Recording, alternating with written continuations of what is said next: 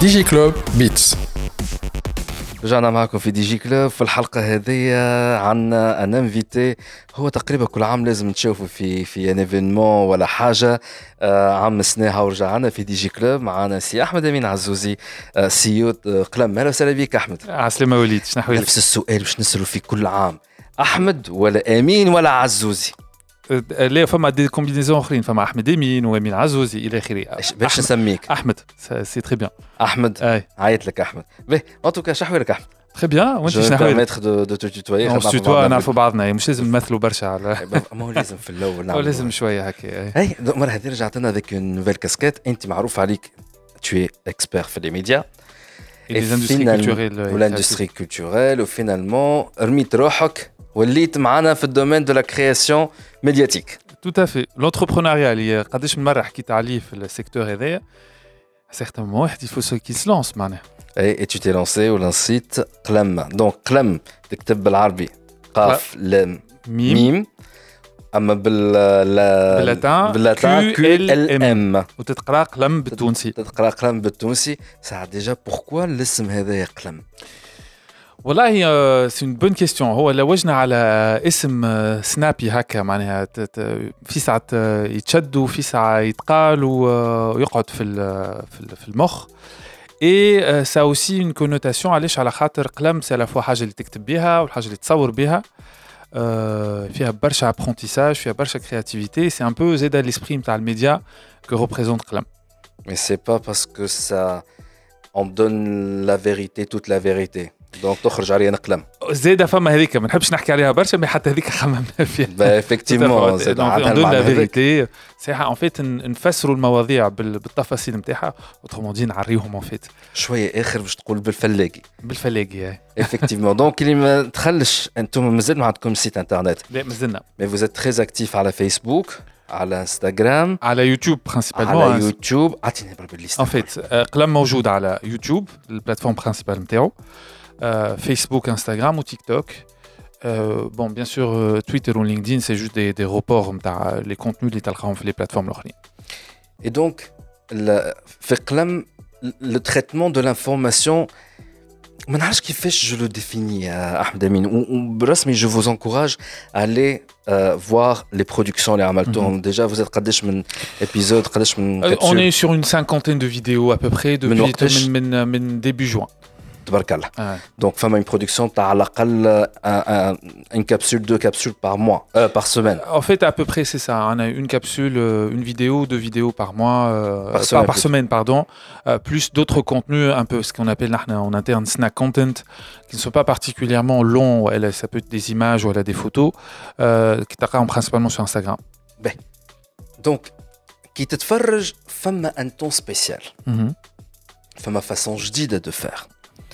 اللي انا وقت نحكي معاك قلت لك سي ان بتي بو ليسبري كانال بلوس un Mhm. petit peu ممكن ne le prends pas mal ou en tout cas c'est pas par manque de respect ni حتى شيء mais on a tendance à, à, à dire ça ressemble à Euh, c'est un petit peu du بالنسبة landscape tunisien ça ressemble un petit peu du boubli but high level c'est pas زاد to this كما يقولوا boubli ils font un travail merveilleux mais ils vont plutôt vers une catégorie spéciale. Et tout on dirait l'underground, ou disons l'élite tunisoise, tunisienne fait. Alors, je dirais pas, en fait, bon, je vais, euh, remixer tous les mots. Ah, euh, voilà, en fait, les collègues ou les confrères ou les amis, parce que c'est de très bons amis, euh, t'as Boubli, c'est plus une culture underground, c'est pas, on n'est pas particulièrement plus high level ou euh, la, low level par rapport à.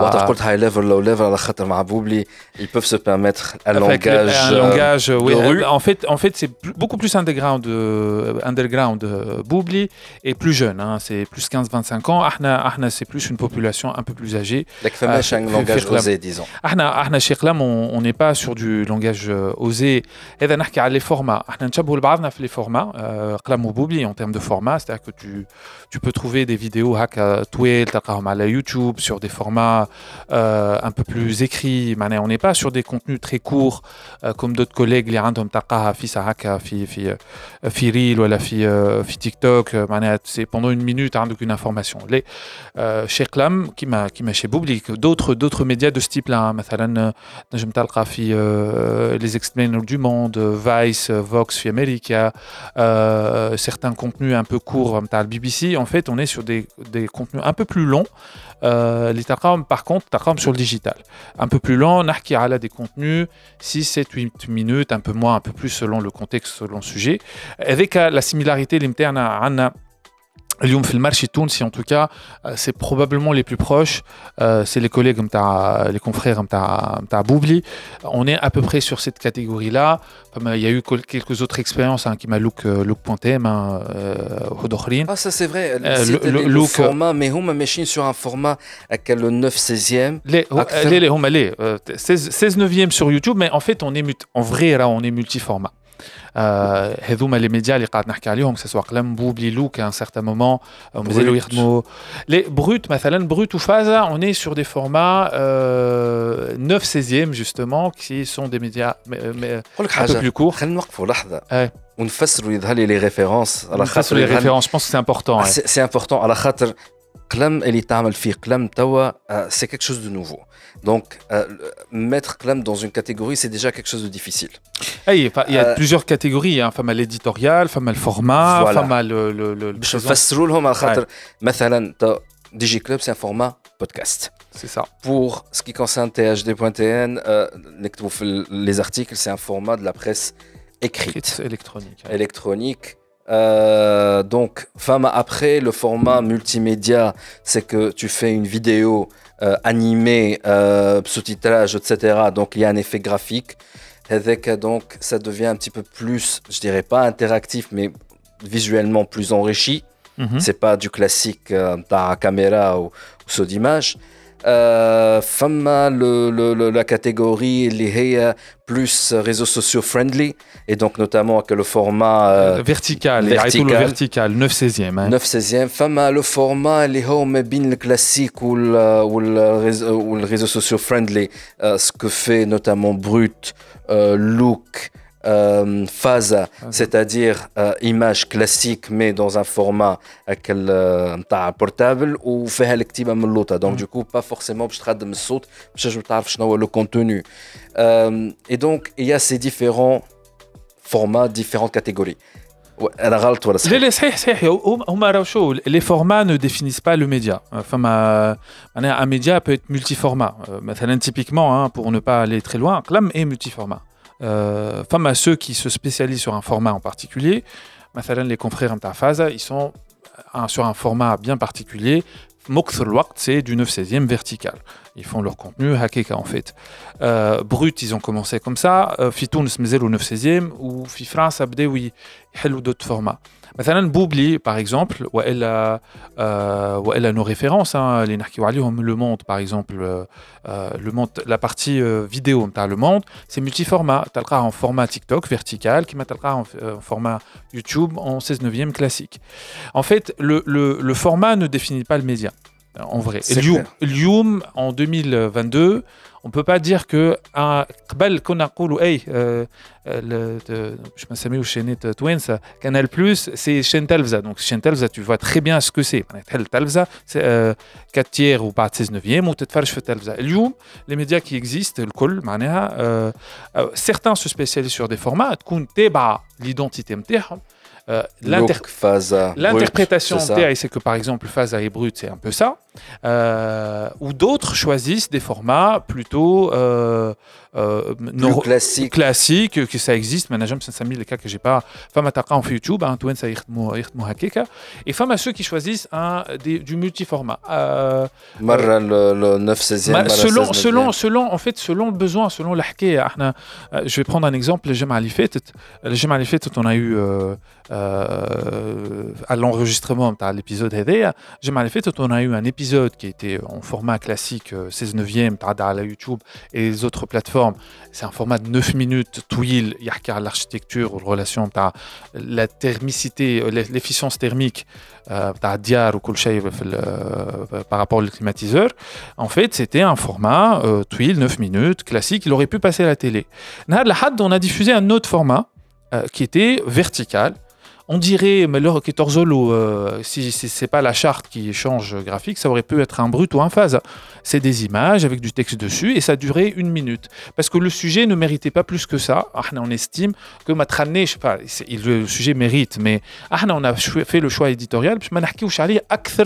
Euh, pour être efficace, c'était une revue de presse à la sécheresse mondiale qui existe aujourd'hui, fait Chine, en Europe et aux États-Unis, bien sûr, euh, Et c'était limite une revue de presse rapide Fitrira en format vertical qui a été diffusé sur TikTok ou Instagram ou les shorts sur YouTube. Donc Ahna, on fait ce choix, donc pour revenir un peu à ce qu'on fait chez Klam, on fait ce choix de nous adapter selon le au format. On a fait des formats euh, euh, à l'Instagram, hein. c'est des photos et des infographies.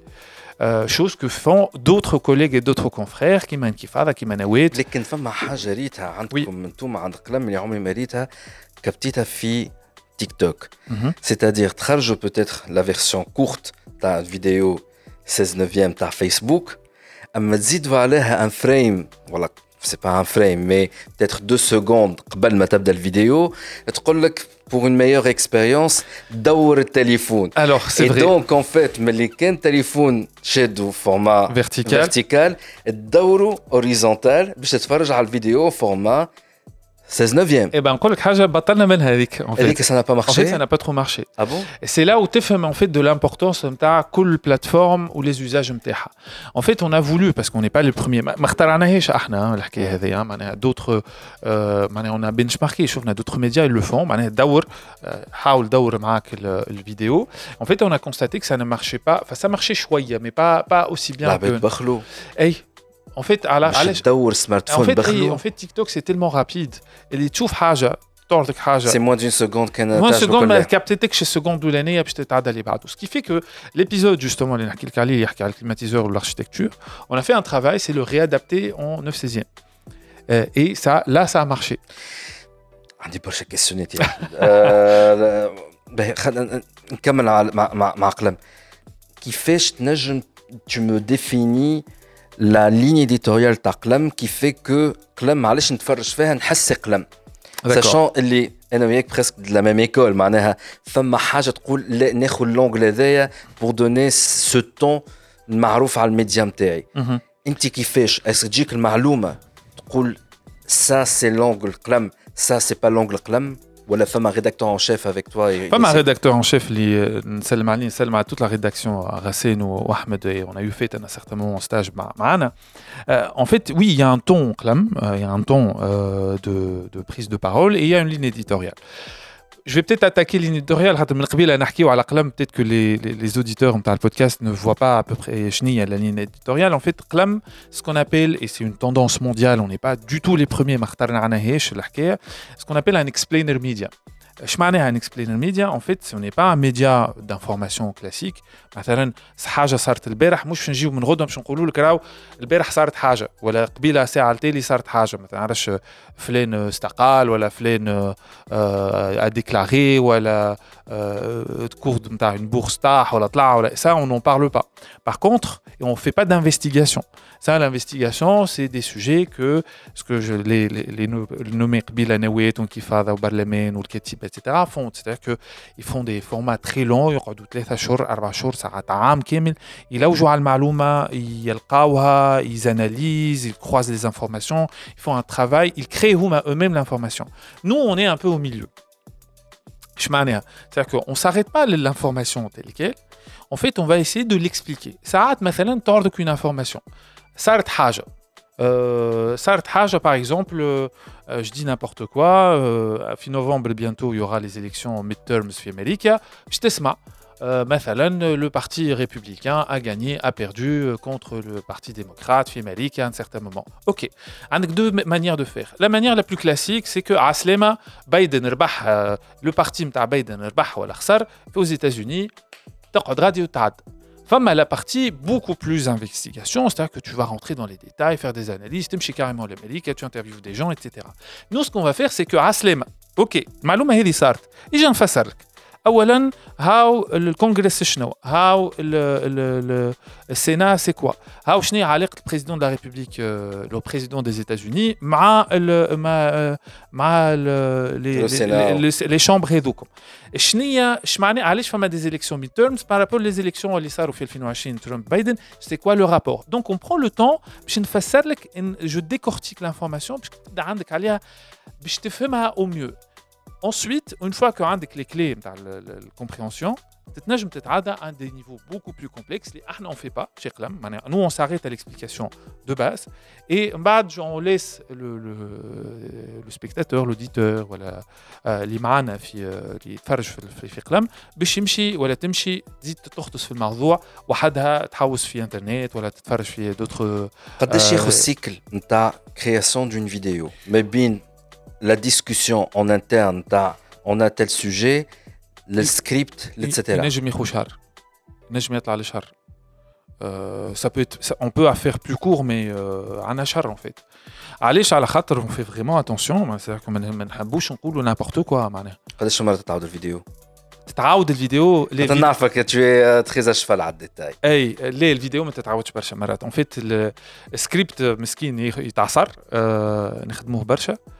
باش ينجم يخرج معناها اون فيت سورتو الكلمة اللي نقولوها لازم نردوا بالنا منها معناها. اون فيت ما لازمش تتقال غالطه ساعات تقولها في المجهول ولا تقولها هكا ولا المضارع ولا الماضي ولا نستعمل في كلام عربي معناها الكلمة باش لازمها تقول تقول نكون معلومة صحيحة.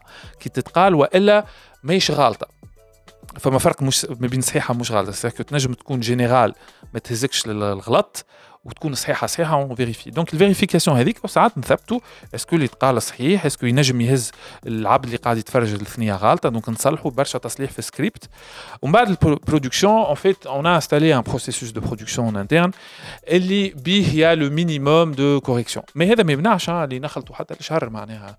شهر ميم أكثر اون يو دي فيديو معناها بارمي ليكيل واحدة اللي تحكي على البيوديفرسيتي نتاع الخضرة والغلة شهر ونص خدمة. قداش تاع كليماتيزور؟ كليماتيزور ثلاثة جماعات ثلاثة جماعات عملت؟ اه من السكريبت للمونتاج للجرافيك والمونتاج والجرافيك وكل شيء والكابتاسيون ولا في البروسيس دو كرياسيون انا هو اصعب حاجه كيل ليتاب لا بلو ديفيسيل والله شو vu des exigences qu'on a في l'équipe euh, j'ai pas j'ai du mal باش نقول لك شنو شنو اصعب البرودكسيون ولا ولا الريداكسيون en vrai بالحق زوز زوز اون توت تون معناها نجموا نحكيو حكاية طيارة ومن الآخر نعملوها بالخايب معناها. اي نحكيو حكاية ماستا وحتى نزينوها قد ما نحبوا ماهيش. دون لي دو كا سا با مارشي دونك مثلا الفيديو على حكاية الغلة اللي فما غل مش غلة. الخضرة والغلة. بارابور الكسكسي تاع قبل جو ني با بونسي جملة. نتاع أكيد فهم الصحن الكسكسي التونسي نتاع 60 سنة التالي بارابور لتوا تغير. Je n'y ai pas pensé. شكون جاتو ليدي باش يعمل فيديو كي من هكا Racine. bon, Racine, c'est le rédacteur en chef. Les, en fait, c'est ça, c'est clairement la ligne éditoriale interne aussi. C'est que euh, on veut éviter l'actualité. On va la traiter alors. وشكون سامحني جاتو ليدي باش يعمل لك على السواحل التونسيه اللي مره تطلع ومره تنقص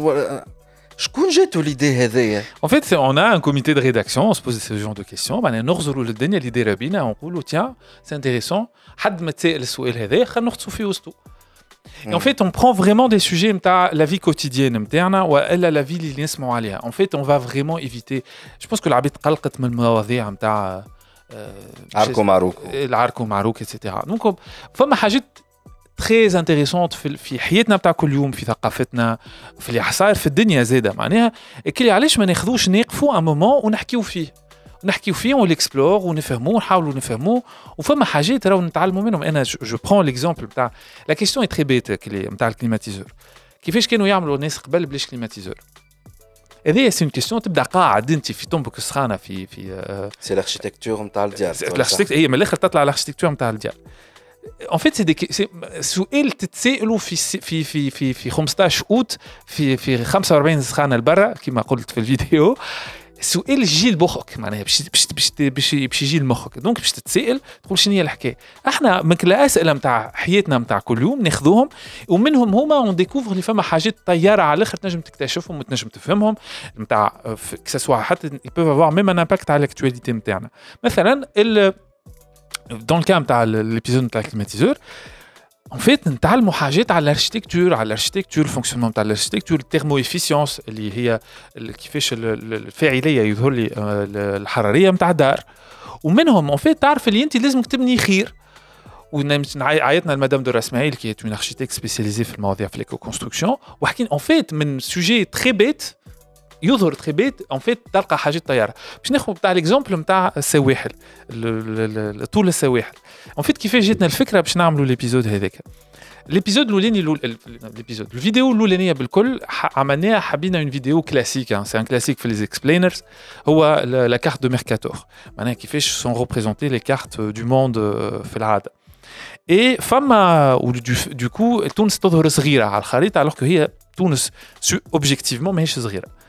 Et on le démontre في وسط الفيديو.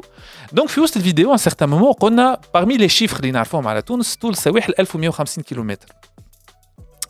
كي احنا بوستينا الفيديو فما واحد ان دي سبيكتاتور نتاع كلام قال لنا ليه ليه ما همش 1150 شبيكم شنو سي با فغي معناها هما 1300 خزرنا مشينا ثبتنا En fait, la donnée اللي لقاها جورناليست احمد اللي لقاها سي بيان 1150 وصحيح في الكتب نتاع الجغرافيا نتاعنا يقولوا 1300 زدنا خطسنا نلقاو شكون يحكيو في 1450 قلنا استنى استنى شنو هي الحكايه هذه وزدنا خطسنا اون في توت ان توت ان ايبيزود ولقينا حتى ميم ان فينومين ماتيماتيك اللي حكينا عليه داير الكوست لاين بارادوكس لقيناه وفما يحكيو عليه اي دوكو من كيستيون خاطر تابع المد والجزر سي سا با كو المد والجزر ان فيت حتى فما المد والجزر سي اون بارتي نتاع الفيديو ومن بعد دخلت un, calcul mathématique qui fait que c'est l'infini.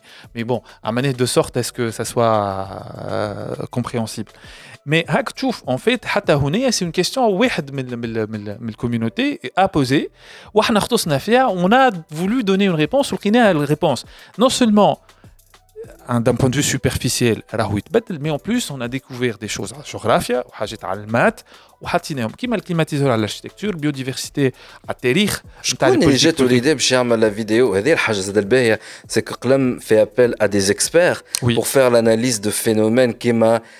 تصوروا انت شنو هو الفينومين في واحدة من لي فيديو. شوف لي حل. وي. فيديو على شوف لي حل. اناليز كاملة على شوف لي حل. إحنا نتفرج نتاع. سيريوسلي سيريسلي معناها قلم عاملة فيديو على شوف لي حل؟ اي واحد وسي مدام سميح حطاب كي اكسبيرت في ال في ال في ال psychologie. Euh,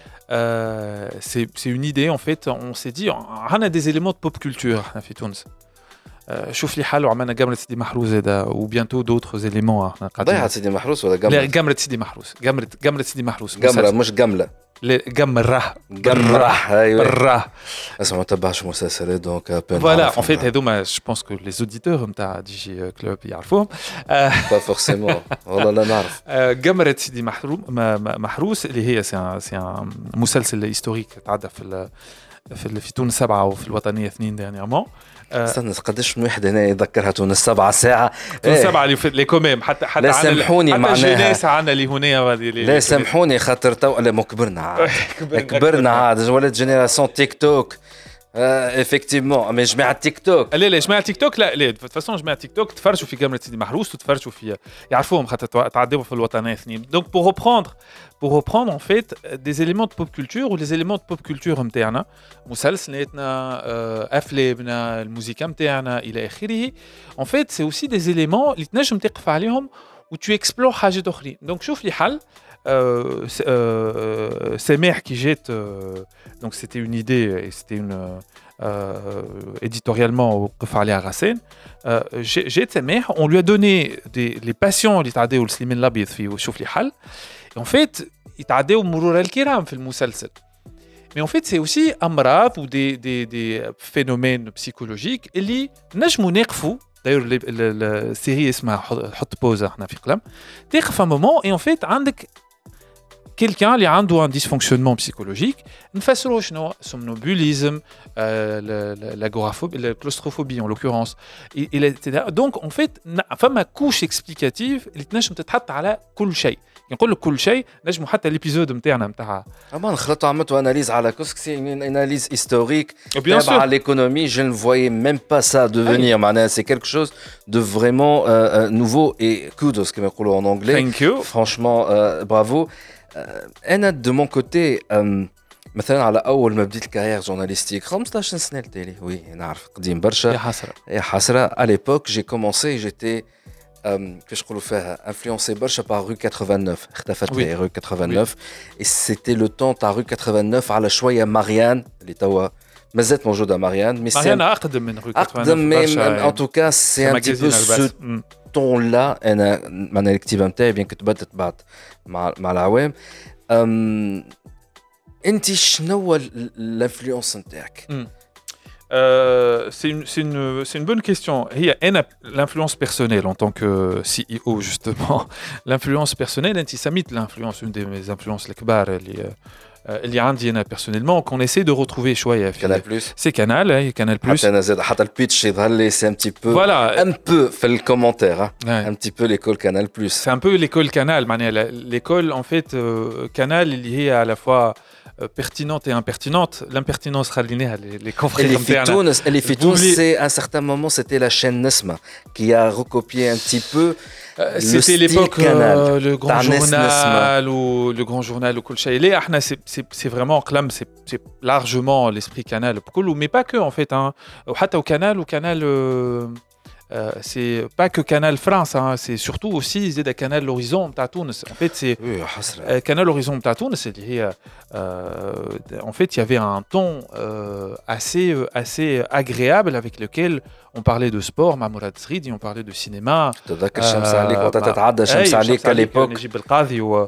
ou musique مع كريم بن عمر en fait c'était un temps très agréable pour parler de choses qui مستنسين نسمعوا بهم d'une manière très euh, officielle rigide rigide وكل شيء دونك يجي مثلا مراد que je salue que j'aime beaucoup انا اللي مانيش مغروم حتى طرف بالكره ساعات كي تحط تتفرج في كانال وحتى مراد كي كان في كانال اوريزون كي كان في كانال بلوس في فرنسا تسمع سي agréable en fait. C'est tchèdek la ouais, ouais. Ou pas que Canal, hein. en fait, on a euh, d'autres écoles euh, desquelles on s'inspire. Ces écoles-là, tu vas me Ou je te dis Zeda. Hein. Ah, hein. euh, qui fait les réunions de rédaction parce que vraiment ça m'intéresse, ça me passionne. Ben. Mais des colos après la pause, DigiClub. Topnet, à quoi connexion Les Very Fiber People. Huawei, au service de la Tunisie depuis 1999. رجعنا معكم في دي جي كلوب ومعنا سي حمد امين عزوزي سي أو قلم كيما ديما وين نقعدوا مع بعضنا نحكيو نسرحوا نسرحوا بعيد بعيد بعيد. أنا نعملوا قهوة واحد وقاعدين مليح. أنا نعمل نهار نقول لك حاجة كان عندي ان انفيتي ولا زوز يعملوها بيا. راني نكلمك انت إجا نعملوا حلقة كاملة نحكيو نعملوا أناليز. Écoute, c'est mon podcast, je fais ce que je veux avec mes cheveux. تذكرها تاع fait. je veux avec mes cheveux. وكاو نحن كيك نقعدوا بعاد على المشاكل ومرتاحين. On N'est-ce est pas on est bien, on est Et, bien. bah, et en plus, le sujet c'est un sujet, je pense, intéressant للناس الكل وفيه une analyse. آه، حتى على المجتمع وعلى وين ماشيين في الميديا وان شاء الله نلحقوا اليوم نحكيو عليها شوية الحكاية مي قبل هذا كله قبل لابوز دونك آه، سالتك سؤال قلت لك نحب نعرف كيفاش قلم تصير معناها لا جونيس دو ليدي معناها كيفاش البروسيس تقعدوا مع بعضكم وإلا تقول لهم يلزمكم تتفرجوا في في الفيلم هذايا في السيري هذايا في نشره الأخبار وتجيبوا لي حاجة اوريجينال كومون البروسيس هو راه شو لا éditoriale est tellement claire euh, في au sein de l'équipe اللي دقيقة تختين فما شكون يطلع لك en fait. آه، إحنا عندنا ان بلانينغ نتاع بلوز لي زيبيزود sur une période donnée على في حتى الوقتاش باش نعرفوا شنو اللي باش نعديو وشنو على شنو لازمنا نحكيو.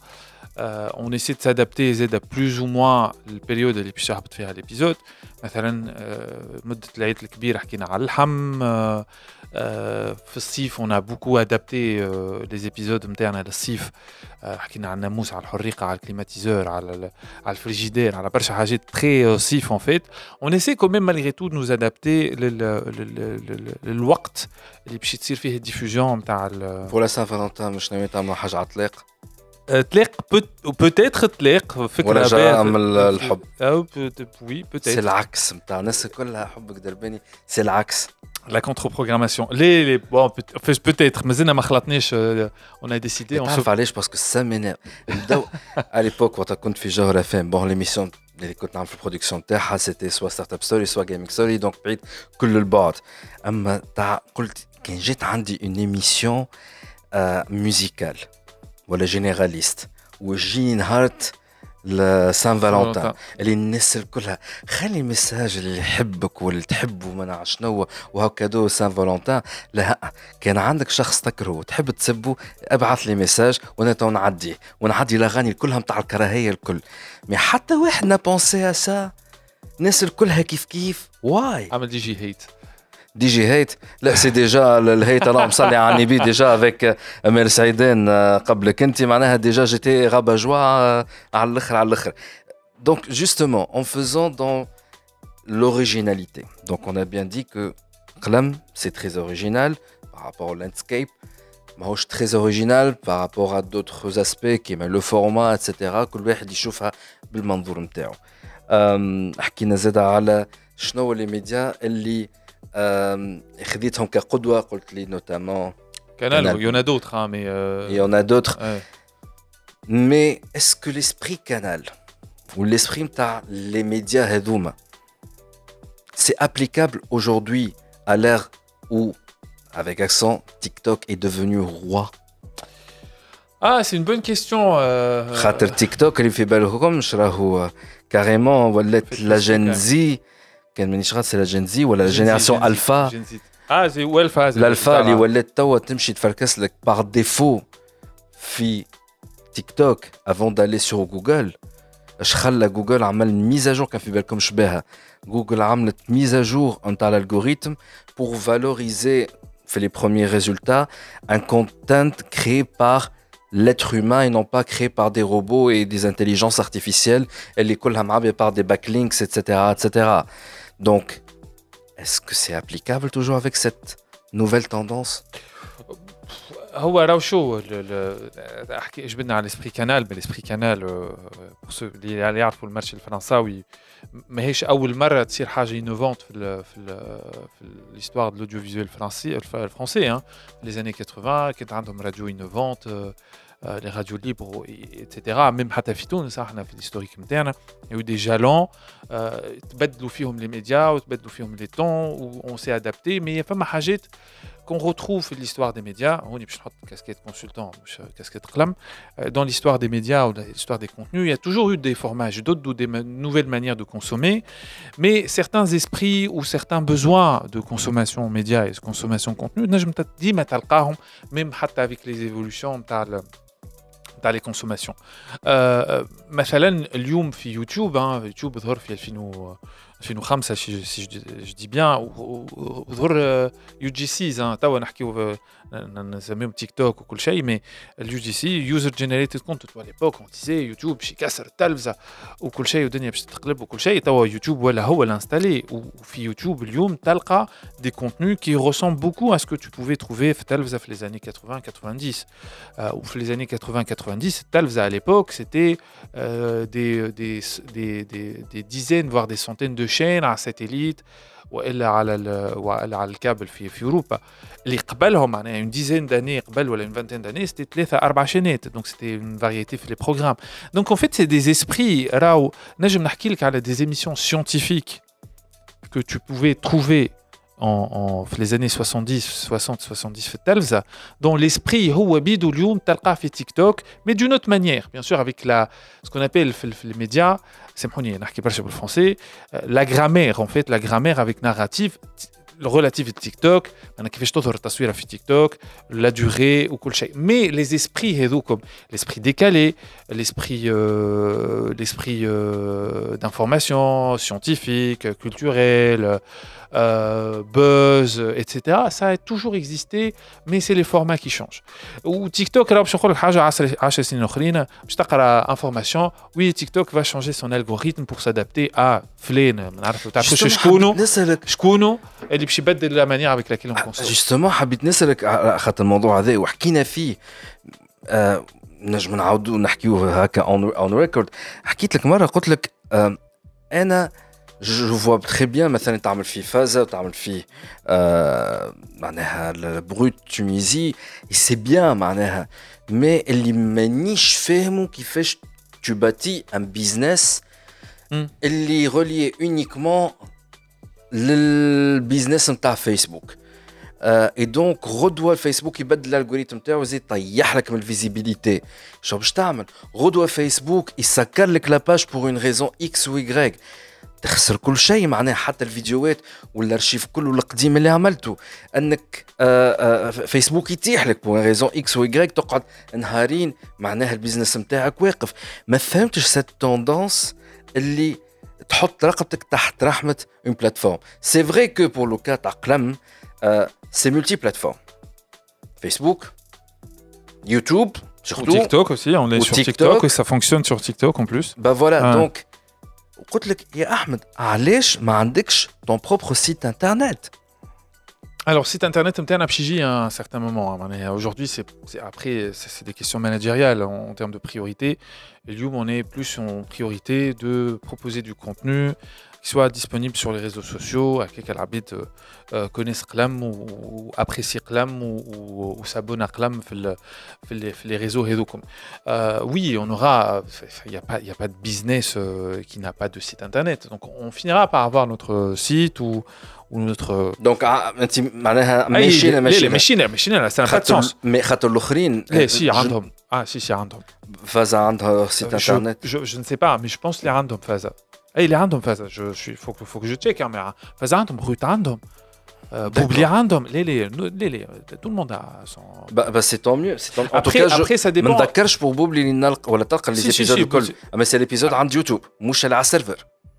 الي حكيت سيرفر اه بون الوغ حكيت سيرفر حكايه اخرى هذا المقصود نتاعي انت المقصود نتاعك باهي حكيت سيرفر حكايه اخرى effectivement pour les médias euh, pour le business euh, euh, plan, euh, le business case, enfin, le business model surtout, les, beaucoup de médias de ce type-là, c'est vrai que Femme a une dépendance parce que ça coûte très très très cher, très cher, de héberger toutes tes vidéos si tu as une production aussi euh, aussi euh, معناها bien en fait brut ou phase c'est عندك قداش من فيديو في النهار hein. imagine c'est c'est plus gros que bah, ils sont capables بعد قداش من عام يعملوا اكثر من نتفليكس انت tu payes pas YouTube لا je ne paye pas YouTube على خاطر مثلا pour notre cas نحن على ساوند كلاود mais نحن on paye معناها ساوند كلاود et donc c'est un service ce n'est, ce n'est pas gratuit donc je paye le service d'hébergement euh, et ça me coûte relativement moins cher على نحطه على السيرفر نتاعي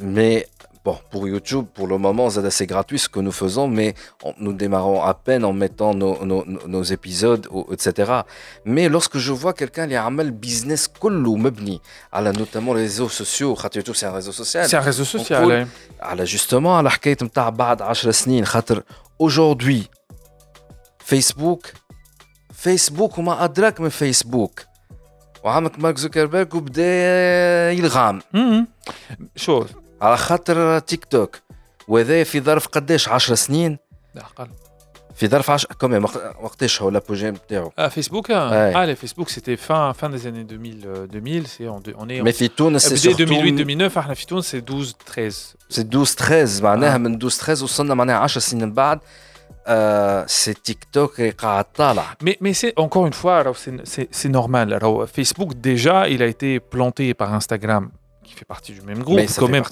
même, groupe. Mais si Ken Shalewa, c'est parce que Facebook, Shalewa, Instagram, Facebook n'a pas développé Instagram. Shalewa, Instagram, parce qu'ils ont vu le potentiel ou le film de l'arbitre machine, ou était chez WhatsApp, où je pense qu'ils auraient aimé acheter TikTok, mais ils ne l'ont pas fait. Euh, ils l'ont un peu raté. Euh, par contre, Howl, ils ont, en fait, ils ont réussi, maintenant, pour le groupe Meta, euh, à l'époque Facebook, ils ont réussi à tuer Snapchat euh, je, je, parle de 2017, tuer Snapchat, en reprenant exactement les mêmes, euh, le même principe les fonctionnalités sur Instagram, les stories, etc. Stories. Les stories, à l'époque, ça existait aussi, puis, euh, puis Snapchat, ou Snapchat de cette manière-là. Sauf que ils n'ont pas pu rattraper TikTok, euh, fait tout cette dépendance, pour revenir à la question de dépendance, oui, elle est très risquée en termes de business, elle est hyper risquée. Je prends toujours, on en a parlé off record, il y a eu en 2015, si je ne dis pas de bêtises, je ne sais combien de médias de presse écrite euh, électronique. En partageait la période, allez-y sur la, la, la, vidéo sur Facebook, c'est l'avenir, etc. Donc le changement d'algorithme, en vrai, il est, euh, il est euh, que ce soit quelle que soit la plateforme, euh, mais on risque ce, genre de business. Euh, les alternatives, enfin il y en a plein, enfin à ceux qui se, enfin, ils font diversifier euh, dans le multiplateforme. Je prends le cas de Brut, France. Brut France, par exemple, c'est non seulement à la Facebook ou à la à la euh, Instagram, etc. Mais il y a une application euh, brute, ils ont développé Brutix, etc. etc. Donc, en fait, il y a des alternatives et effectivement, il faut penser malgré tout à sa propre plateforme pour ne pas être dépendant totalement mais, les réseaux sociaux. Je à YouTube. En fait, YouTube, c'est un réseau social. Euh, c'est un réseau social. sauf que il commence à migrer un peu euh, dans l'esprit tel qu'il est vu à une plateforme de visionnage. Donc on est plus proche d'un Netflix que d'un euh, que d'un euh, mhm. Facebook. Bon, I go with the flow, ça peut être ma dernière question, mais نسمع رايك على الموضوع هذا سي un petit peu osé واللي باش يتقلق ولا حاجه يسكر من تو ما يكملش يسمع جماعه انا خايف منه السؤال ما نعرفوش انا خايف منه dans une période اللي فيها وصل جوجل ومأدرك من جوجل يبدل الالغوريثم تاعو à cause de TikTok grâce à cause ça dépend de l'angle de vue نتاعك في وقت اللي زاد في نفس الوقت فيسبوك وما أدراك من فيسبوك يولي خايف يرعش من تيك توك في وقت أنه فما ريزو سوسيال اسمه اونلي فانس Donc, c'est un réseau social. Théoriquement, les célébrités je partager de façon très directe avec leurs fans des photos, des productions audiovisuelles, etc. Et le projet complètement. C'est l'industrie du porno. c'est l'industrie du porno. En fait, les porn stars et les huma se sont rebellés contre l'industrie du porno.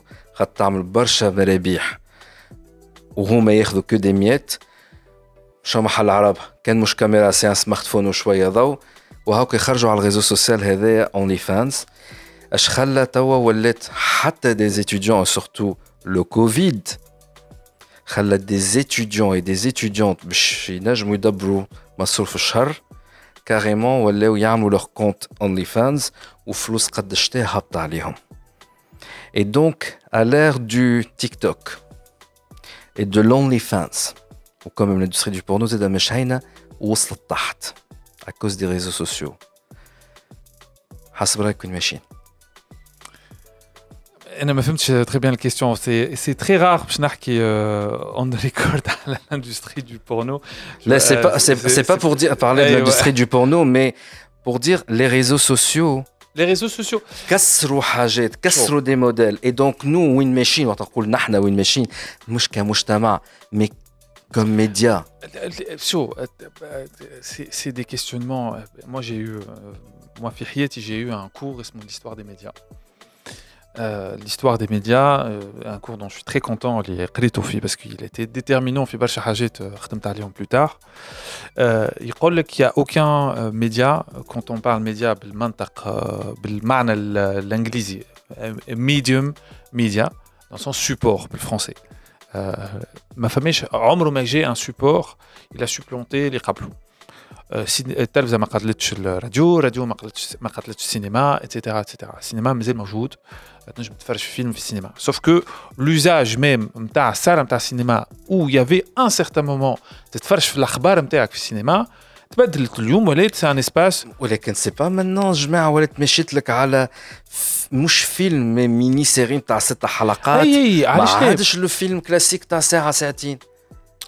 اللي قاعد أنا نعطي فيك في, في البرانسيب أنا جينيرال. مش قاعد نحكي على في ست دقائق ولا دقيقة ولا 30 سكوند مي ليه بدلت له ليه ليه بدلت له بدلت له بودكاست ليه؟ عادي كونكورونس بالكدا الراديو أي مي سي ان فيت سي دي زوجاج ديفيرون والتلفزه التلفزه باش نقول لك التلفزه تلكون لا كوني معناها تحل التلفزه تحط شين وتعدي لك فيلم شكون مازال يتفرج في فيلم في التلفزه معناها شكون مع التلفزه دون السونس شين دو شين دو تيلي تيلي اسكو تستنى ام بي سي 2 انت باش تعدي لك الفيلم الفلتاني باش تقعد تتفرج فيه كل شيء نو مي باغ كونتر اون توجور بوزوان لا تيلي كان فما حاجة كبيره صارت في الدنيا ولا فما ماتش نتاع كوره ولا ماتش ما نعرفش ولا اونس جابر اونس جابر باش تحط تتفرج في اونس جابر يولي ريقك شايح لكن فما فما السمارت فون نتاعي كان فما حاجة اورجونت جو بوغي لايف ستريمي اي لايف ستريمي سي la télé هذيك اسمها. سي لو فورما تيلي فورما نتاع حاجة صايره je te la passe en direct. Mais moi, je diffuse en direct sur Facebook les événements par moment. Hey, mais, mais tu, en fait, c'est une transformation. Mais c'est pas télé. Mais c'est, mais en fait, c'est, euh, attention. Alors c'est, c'est ma tchouf le mekin, ma tchouf la structure business derrière. En fait, c'est l'usage. L'usage esmo, l'usage on ta radio ou la telvza, euh, l'usage on ta radio, écouter quelque chose, t'es en direct.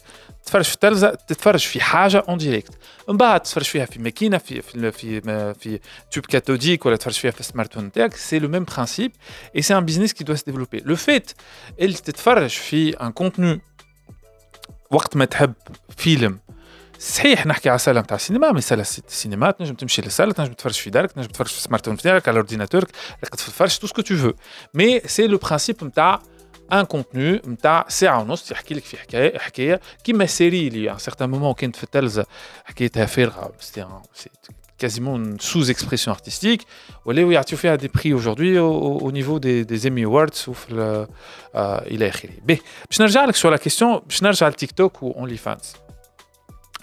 باش نحل قوس على على l'industrie euh, avec un ton très sérieux parce que je vais parler très sérieusement à l'industrie du porno euh, qui est une industrie qui fait partie des industries de- des médias et de l'entertainment sauf que généralement au vu du contenu متاعها elle est traitée séparément معناها ils ont leur business et c'est un fonctionnement ils ont des tests et euh, Hassilo, c'est un vrai vrai business sauf qu'on le met à part au vu du caractère نتاعو Explicite. explicite نجم نزيد عليها بارونتيز صغيره علاش ils prennent trop au sérieux l'industrie هذيا آه. على خاطر سيغتان مومون تتذكرها اول ما طلع البلوراي آه. الدي في دي بلوراي يافي دو فورما يتعاركوا عليه واحد تاع سوني تابع HD, بلوراي euh, والاخر HD DVD والاخر اتش دي HD في دي نتاع DVD. توشيبا تاع توشيبا En fait, هل- سي توشيبا جو بونس بونس العركه ما بيناتها الزوز هذوما تربحت بال بالواحد تربحت grâce à l'industrie du C'est- porno c'est- qui a adopté le Blu-ray. En, en fait, juste, juste نحل قوس parce que en fait, pourquoi c'est c'est intéressant معناها pour ceux qui s'intéressent à ces secteurs d'un point de vue très sérieux نشد صحيح على الكلمة pour pour qu'il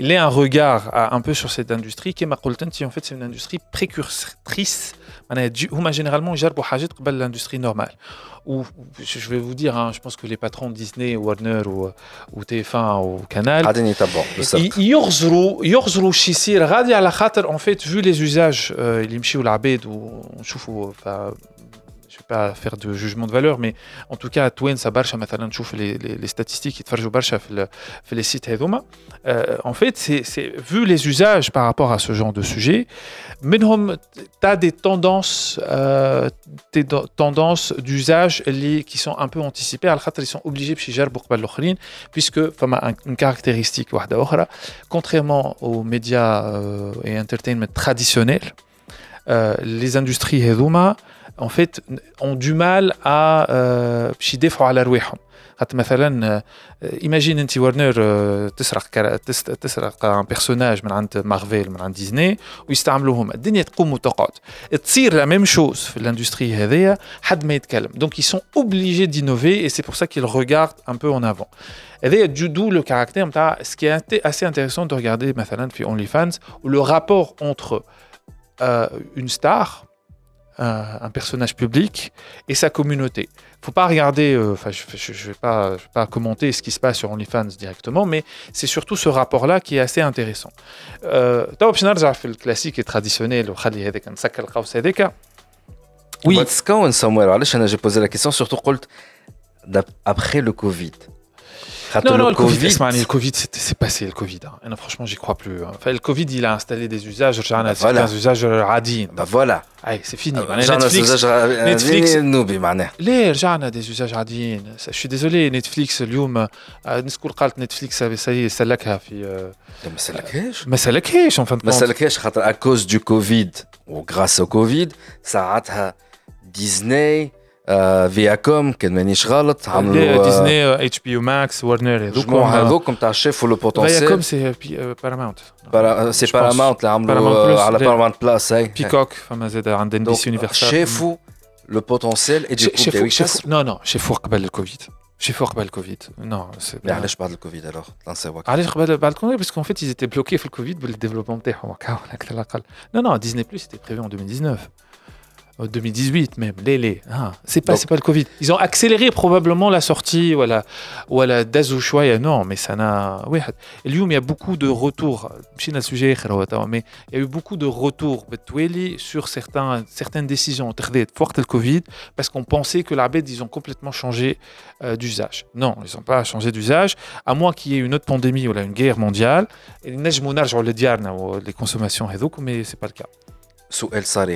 Ah. Un site qui m'a, par exemple, la presse.tn, businessnews.com.tn, African Manager, Capitalis, Kajitenti, tu es leur euh, advisor mm -hmm. le domaine. Je mm -hmm. à l'air de. Effectivement. Peut-être Bardi Wally ou Clionnette, why not? Mais à l'ère de ce TikTok, de ces réseaux sociaux, um. euh, est-ce que faire à la façon euh, euh, BFM TV, euh, Le Monde et créer un contenu dédié, les réseaux sociaux, où classique. Je vais pas donner un, un conseil. Il y a une recette Non, il n'y a pas de recette. En fait, je vais pas donner un conseil particulier. Ça dépend beaucoup de la ligne éditoriale de tout un chacun. Vraiment, un coup d'où qui fait. Mais ce qui est certain, c'est qu'en en fait, il y a. مش باش نخترعوهم في تونس فما حاجات qui existent déjà في بلدان اخرى qui ont marché sur certains dans certains cas euh, bon, malheureusement احنا عندنا des titres qui vont mourir euh, pas en nommer parce que en mourir parce qu'ils n'ont pas su faire leur transformation digitale الكلمه اللي نحكيو عليها على 20 سنه اللي توا ما عادش ce n'est plus ce n'est même plus de la transformation digitale qu'il faut qu'ils fassent faut qu'ils faut qu'ils survivent de manière certains à une adaptation les usages j'insiste برشا على كلمه usage les usages médiatiques نتاع 2022 oui c'est faut s'adapter والله Et j'ai eu encore beaucoup de questions, mais je pense à certains moments, les amis, ça l'épisode, sinon moi je suis au معك. احمد امين عزوزي ذكر اللي يسمعوا فينا وين نجموا يكونسلت قلم قلم تلقاوه على يوتيوب سي www.youtube.com bien sûr slash c slash qlm media qlm m e d i a تلقاو Euh, toutes les, toutes, les, euh, toutes les vidéos de Qlam, toutes les productions de Qlam. Et vous pouvez aussi nous suivre QLM, Talqawa euh, Facebook, Instagram, TikTok, Twitter aussi, et LinkedIn pour des raisons professionnelles. Et quel est le réseau social et le en termes de. de, de ça dépend, ça dépend, ça, dépend des standards des standards à ou vitesse mais celui où il y a le plus de followers, c'est Facebook. Ah, tu as commencé à vendre déjà des, des trucs sponsorisés, des clients mm. avec des clients Oui. Non, fait des chèques avec. Charine, Ounos. Mais les petites halites. Ah tu réalises que ça c'est un exploit par rapport à la vie d'un média. Je réalise que c'est un exploit. Donc, je touche, du, bois. Touchant du bois, et ça, ça prouve les, euh, les annonceurs et les, les bailleurs de fonds, ils croient. Fiqlam, il y a une qualité, il y a de la qualité. Ah, Donc Merci félicitations Ahmed Amin Azouzi. Je pense qu'on est arrivé à la fin de l'épisode. et à la prochaine. DigiClub Beats.